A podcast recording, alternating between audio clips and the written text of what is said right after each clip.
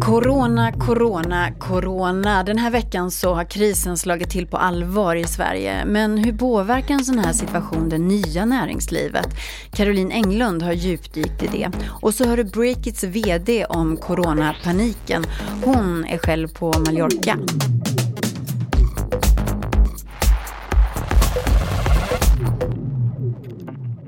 Hej, Katarina Andersson heter jag och det här är Breakits podcast. Podden spelar vi in nu efter dramatiska besked från regeringen och Folkhälsomyndigheten om coronaviruset.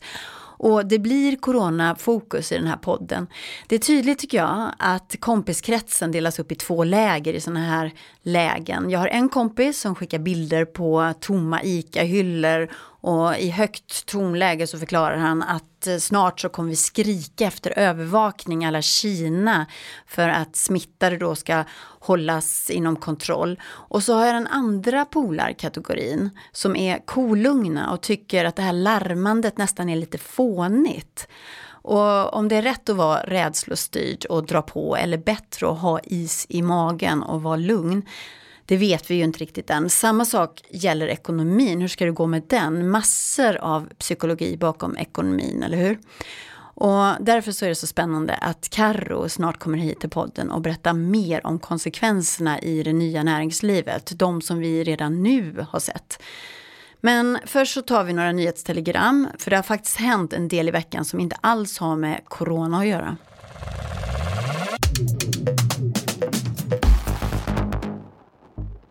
En nyhet som Breakits läsare var extra intresserade av den här veckan handlar om sushi. Bröderna bakom den populära kedjan Sushiyama säljer nämligen verksamheten till riskkapitalbolaget Litorina. Detaljerna kring affären är hemlig men sannolikt kammade bröderna hem flera hundra miljoner kronor. Just nu säljs sushi på kedjans 47 restauranger runt om i Sverige för ungefär 240 miljoner kronor om året. Kedjans nya ägare kommer att satsa på en rejäl expansion och tredubbla antalet restauranger. Förra veckan gick polisen ut och varnade för appen Clearview AI som kan identifiera ansikten via mobilkameran. Appen samlar bland annat in data från sociala medier som Facebook och Instagram och matchar ansiktsfoton mot en enorm databas.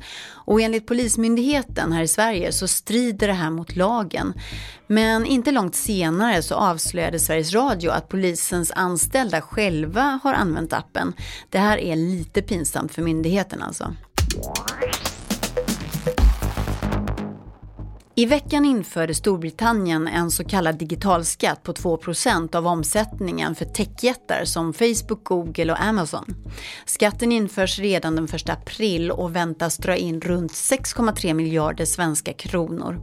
Åtgärden har varit ifrågasatt av Facebook och Google, kanske inte helt oväntat, men även den amerikanska presidenten Trump är emot skatten och har hotat med att USA inte tänker förhandla ett frihandelsavtal med Storbritannien om den införs.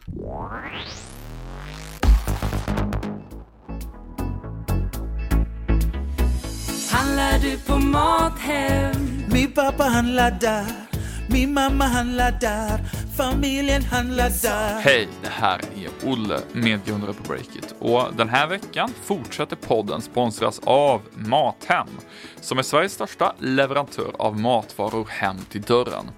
Det är ju många svenska hushåll som förenklar vardagen med Mathems tjänster, men Eh, idag är det också allt fler företag som använder Mathem för att fixa torsdagsfrukosten och de där speciella tillfällena när någon ska firas, någon ska avtackas och så vidare.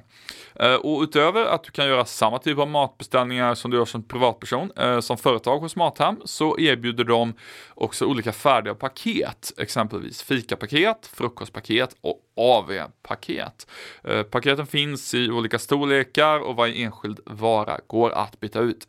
Mathem har också också faktiskt ett samarbete med Clas Olsson och Fruktbudet. Eh, så nu kan du beställa fika kontorsmaterial och fruktkorgar från ett och samma ställe, samma leverantör. Läs mer på mathem.se eh, företag, alltså mathem.se företag. Läs mer där. Tack Mathem!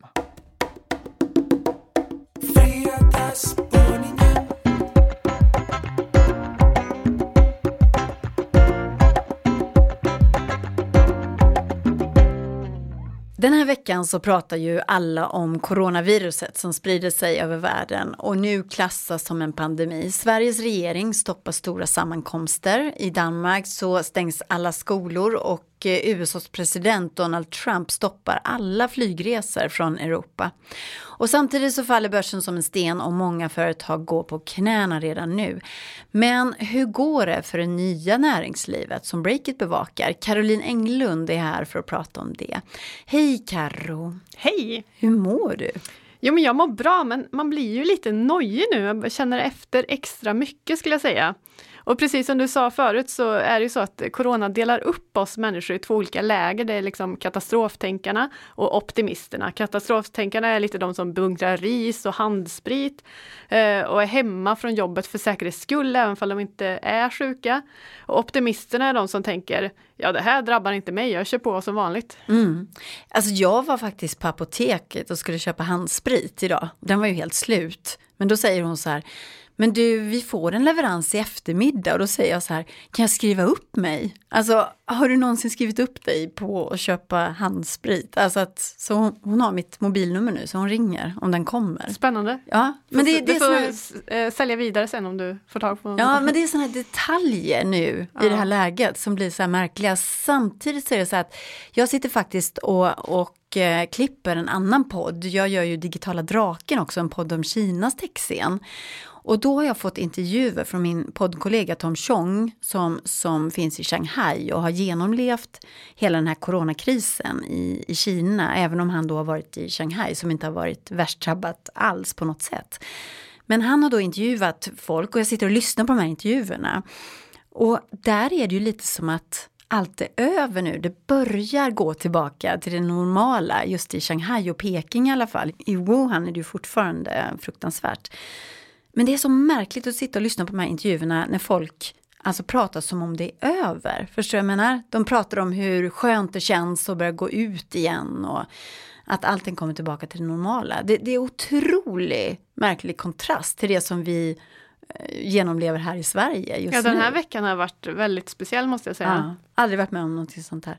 Men om, om vi eh, tittar på, på dig själv då, vem är du? Är du rädslostyrd eller är du? Jag, jag är ju faktiskt obotlig optimist eh, och det är ju väldigt naivt och kanske också farligt i de här tiderna för att det är ju optimisterna som kanske kommer sprida smittan vidare.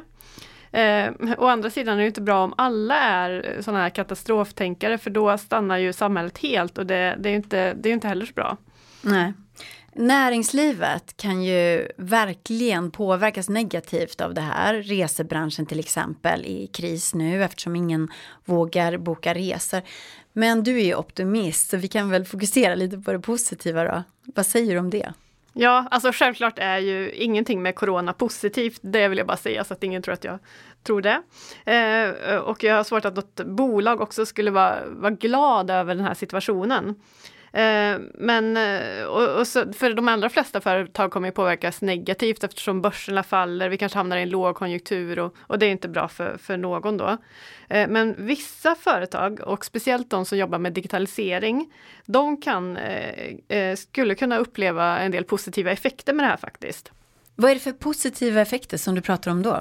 Ja, men jag pratade till exempel med en investerare för några veckor sedan och då sa han något som jag tyckte var väldigt intressant och det var att eh, när SARS-utbrottet för några år sedan var i Sydkorea, det var då näthandeln av mat tog fart där på allvar.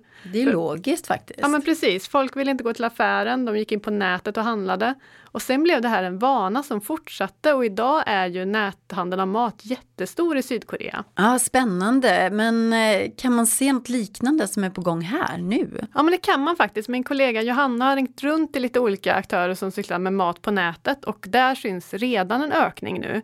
Och Coop till exempel, de berättade att de har haft sin bästa försäljning någonsin på nätet eh, de senaste veckorna. Mm. Så där såg man verkligen, och de, man, de ser också att det är personer som inte brukar handla mat på nätet som är inne och handlar nu, så att det är kunder som får ett nytt beteende. Så detta har de sett alltså redan innan regeringen gick ut nu med, med de här ganska drastiska åtgärderna? Precis, de senaste Ah, veckorna. ja. Och även nätapoteken har rapporterat om rekordförsäljning, för det är folk som bunkrar handsprit och eh, huvudvärkstabletter och munskydd.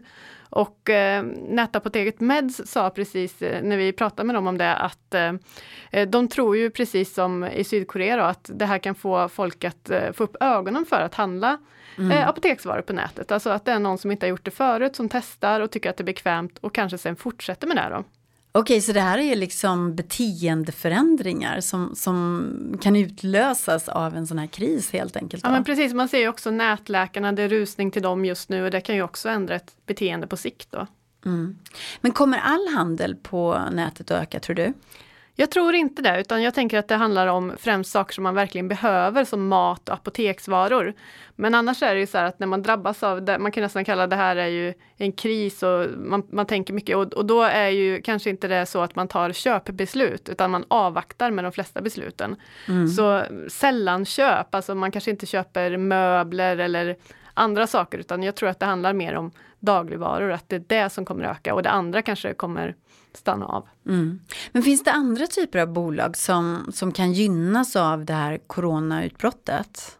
Ja, men då tänker jag på streamingtjänsterna, för när folk sitter i karantän, jobbar hemma, vabbar mycket, Eh, då kanske man köper en extra prenumeration på Netflix eller HBO eller på Storytel till exempel. Om Man tänker på Italien där hela landet sitter i karantän. De, de streamar säkert ganska mycket.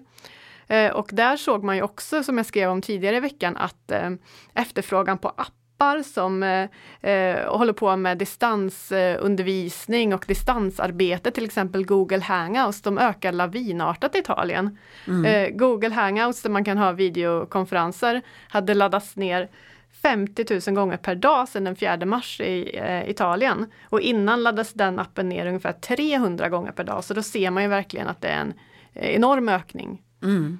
Och det där är ju jättespännande för jag tänker också att alla eh, typer av den här typen av kommunikationsappar, också skolplattformar tänker jag, om det här drar vidare och blir så att man faktiskt stänger skolor här i Sverige, då måste vi ju ha skolplattformar. Och det finns också på Google, Microsoft Asin och sådär, att man kanske kan använda dem, att de flyger i höjden. Så digitala tjänster alltså, eh, det är ju jättespännande i det här läget.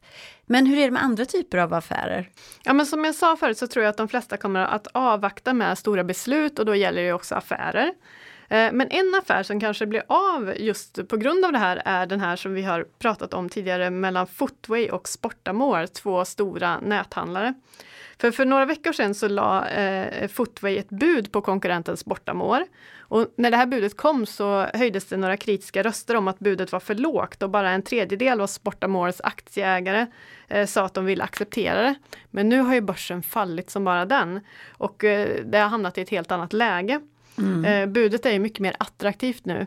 Eh, och eh, häromdagen så kom beskedet om att Sportamores aktieägare säger ja till det här budet. Då. Så den här affären eh, kan ha fått hjälp på traven då av eh, det här som har hänt den senaste tiden. Mm. Ja, jättespännande Karo. Tusen tack för att du kom hit och, och berättade. Och det kommer säkert fler sådana här nyheter de närmaste veckorna och kanske månaderna också. Absolut, vi följer ju det här varje dag. Hej, Olle på Breakit här igen och idag så är Pressa.se eh, tillbaka som sponsor av podden. Pressa.se, eh, de hjälper ju små och medelstora företag med inköpen av IT-utrustning genom att ge eh, deras 50 leverantörer möjligheten att skicka offert på det ni vill ha och istället för att ni ska behöva kontakta alla själva då och begära in offerter. Alla som någonsin har ansvarat för köp av till exempel datorer och mobiler till nyanställda, de vet ju att eh, det här är minst sagt tidsödande och hålla på och begära in offerter, leta bästa pris. Eh, men samtidigt vill man ju vara noggrann med de där köpen så att de nya kollegorna ska få en bra onboarding och kunna jobba effektivt. Eh, med Pressa.se så slipper du jaga varandra krona själv på egen hand. Du kan välja vilka produkter du vill ha och inom någon timme har Pressa tagit fram kostnadsfria offertförslag som du enkelt kan jämföra mellan. Testa själv på pressa.se. Det är helt gratis att prova och enkelt att komma igång. Tack pressa.se.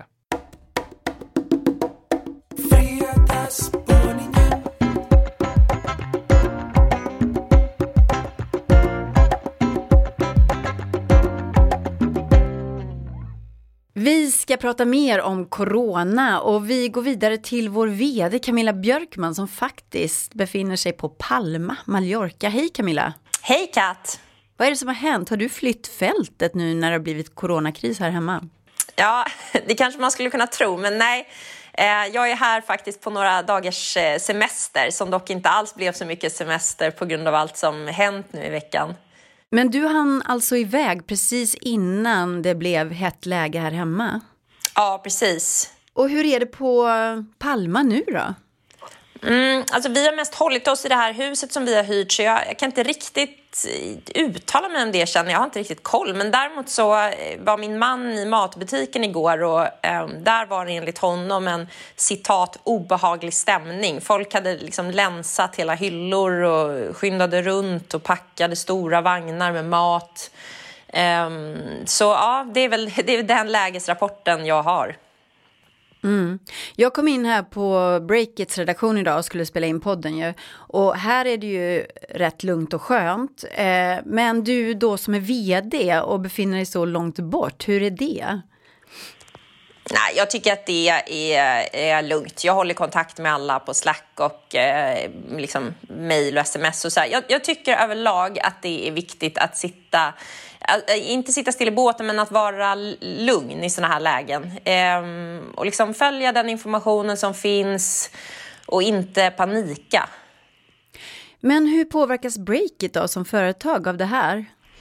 Um, ja, men det är lite tidigt att säga än. Vi har märkligt nog haft en jättebra vecka på vår annonsförsäljning och liksom, det säger vi absolut inte att det är stannat av någonting. Däremot eh, vad gäller allt som är liksom fysiskt eh, så blir man, är man ju lite mer orolig. Vi har precis fått ställa in en nätverksträff som skulle vara hos en av våra partners.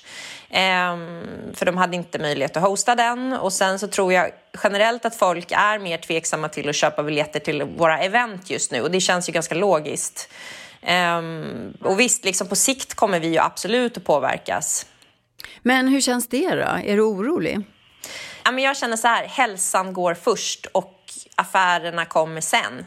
Eh, och så här är det att driva företag. Alltså saker man inte kontrollerar händer hela tiden och då får man bara hantera det. Så jag är faktiskt inte särskilt orolig för, av, av den aspekten. Nej. Det är ganska skönt att höra dig eh, säga det tycker jag, som ledare för Breakit och som vd. Hur tycker du själv att man ska agera som ledare? i en sån här situation? Jag tror just att det bästa man kan göra är att agera lugnt och ta beslut utifrån liksom den bästa lägesbilden som man har just nu. Eh, och I vårt fall så går vi efter Folkhälsomyndigheternas information så vi har till exempel inte avrått från att jobba på kontoret. Ehm, jag förstår som i Spotify till exempel då som eh, är ett stort bolag med många anställda med folk som reser kors och tvärs. Då har de en annan lägesbild och då behöver de anpassa sig till den eh, uppmana folk att jobba hemifrån och så vidare. Och sen så får ju vi vara beredda på att snabbt tänka om. Um, så det är ju liksom break som, som företag med anställda och så vidare. Sen vad gäller själva affären så tror jag även här att man får vara beredd att svänga om och liksom tänka smart utifrån lägesbilden just nu. Um, ett exempel från oss är att vi har ett event för resebranschen i maj och det var planerat sedan länge. Eh, men nu får ju vi, det blir, ju självklart att vi behöver tänka om kring det så att vi svänger om det temat och kommer att ha corona som eh, för den, liksom hela besöksnäringen är ju verkligen påverkad och behöver prata om de här frågorna. Så att ja, man får vara beredd att eh, ändra eh, fokus. Och långsiktigt då, det här kommer ju med stor sannolikhet ha stora konsekvenser för många företag. Absolut, och det har ju pratats om en avmattning i ekonomin redan innan corona slog ner som en bomb. Men även här tror jag att vinnarna blir de som kan anpassa sig. Alltså som litet företag framför allt, då är du ju absolut mer sårbar. Eh, men du har ju också en stor fördel i att du snabbt kan svänga om och hitta nya intäktskällor. Och ehm, på ett sätt så blir ju här också, det här blir ju också ett stresstest. Vilka bolag har hållbara affärsmodeller? Vilka klarar sig även i eventuella sämre tider? Så ja, jag tror att vi kommer klara det här bra. Camilla, tusen tack för dina insikter och eh, du och jag ses snart igen. Ta hand om dig och ta hand om familjen där på Palma. Detsamma, ha det bra, hej! Breakits podcast är slut för den här gången. Ansvarig utgivare för podden är Olle Aronsson. Caroline Englund är poddredaktör och jag som klipper och mixar heter Katarina Andersson. Ta hand om varandra och så hörs vi nästa vecka.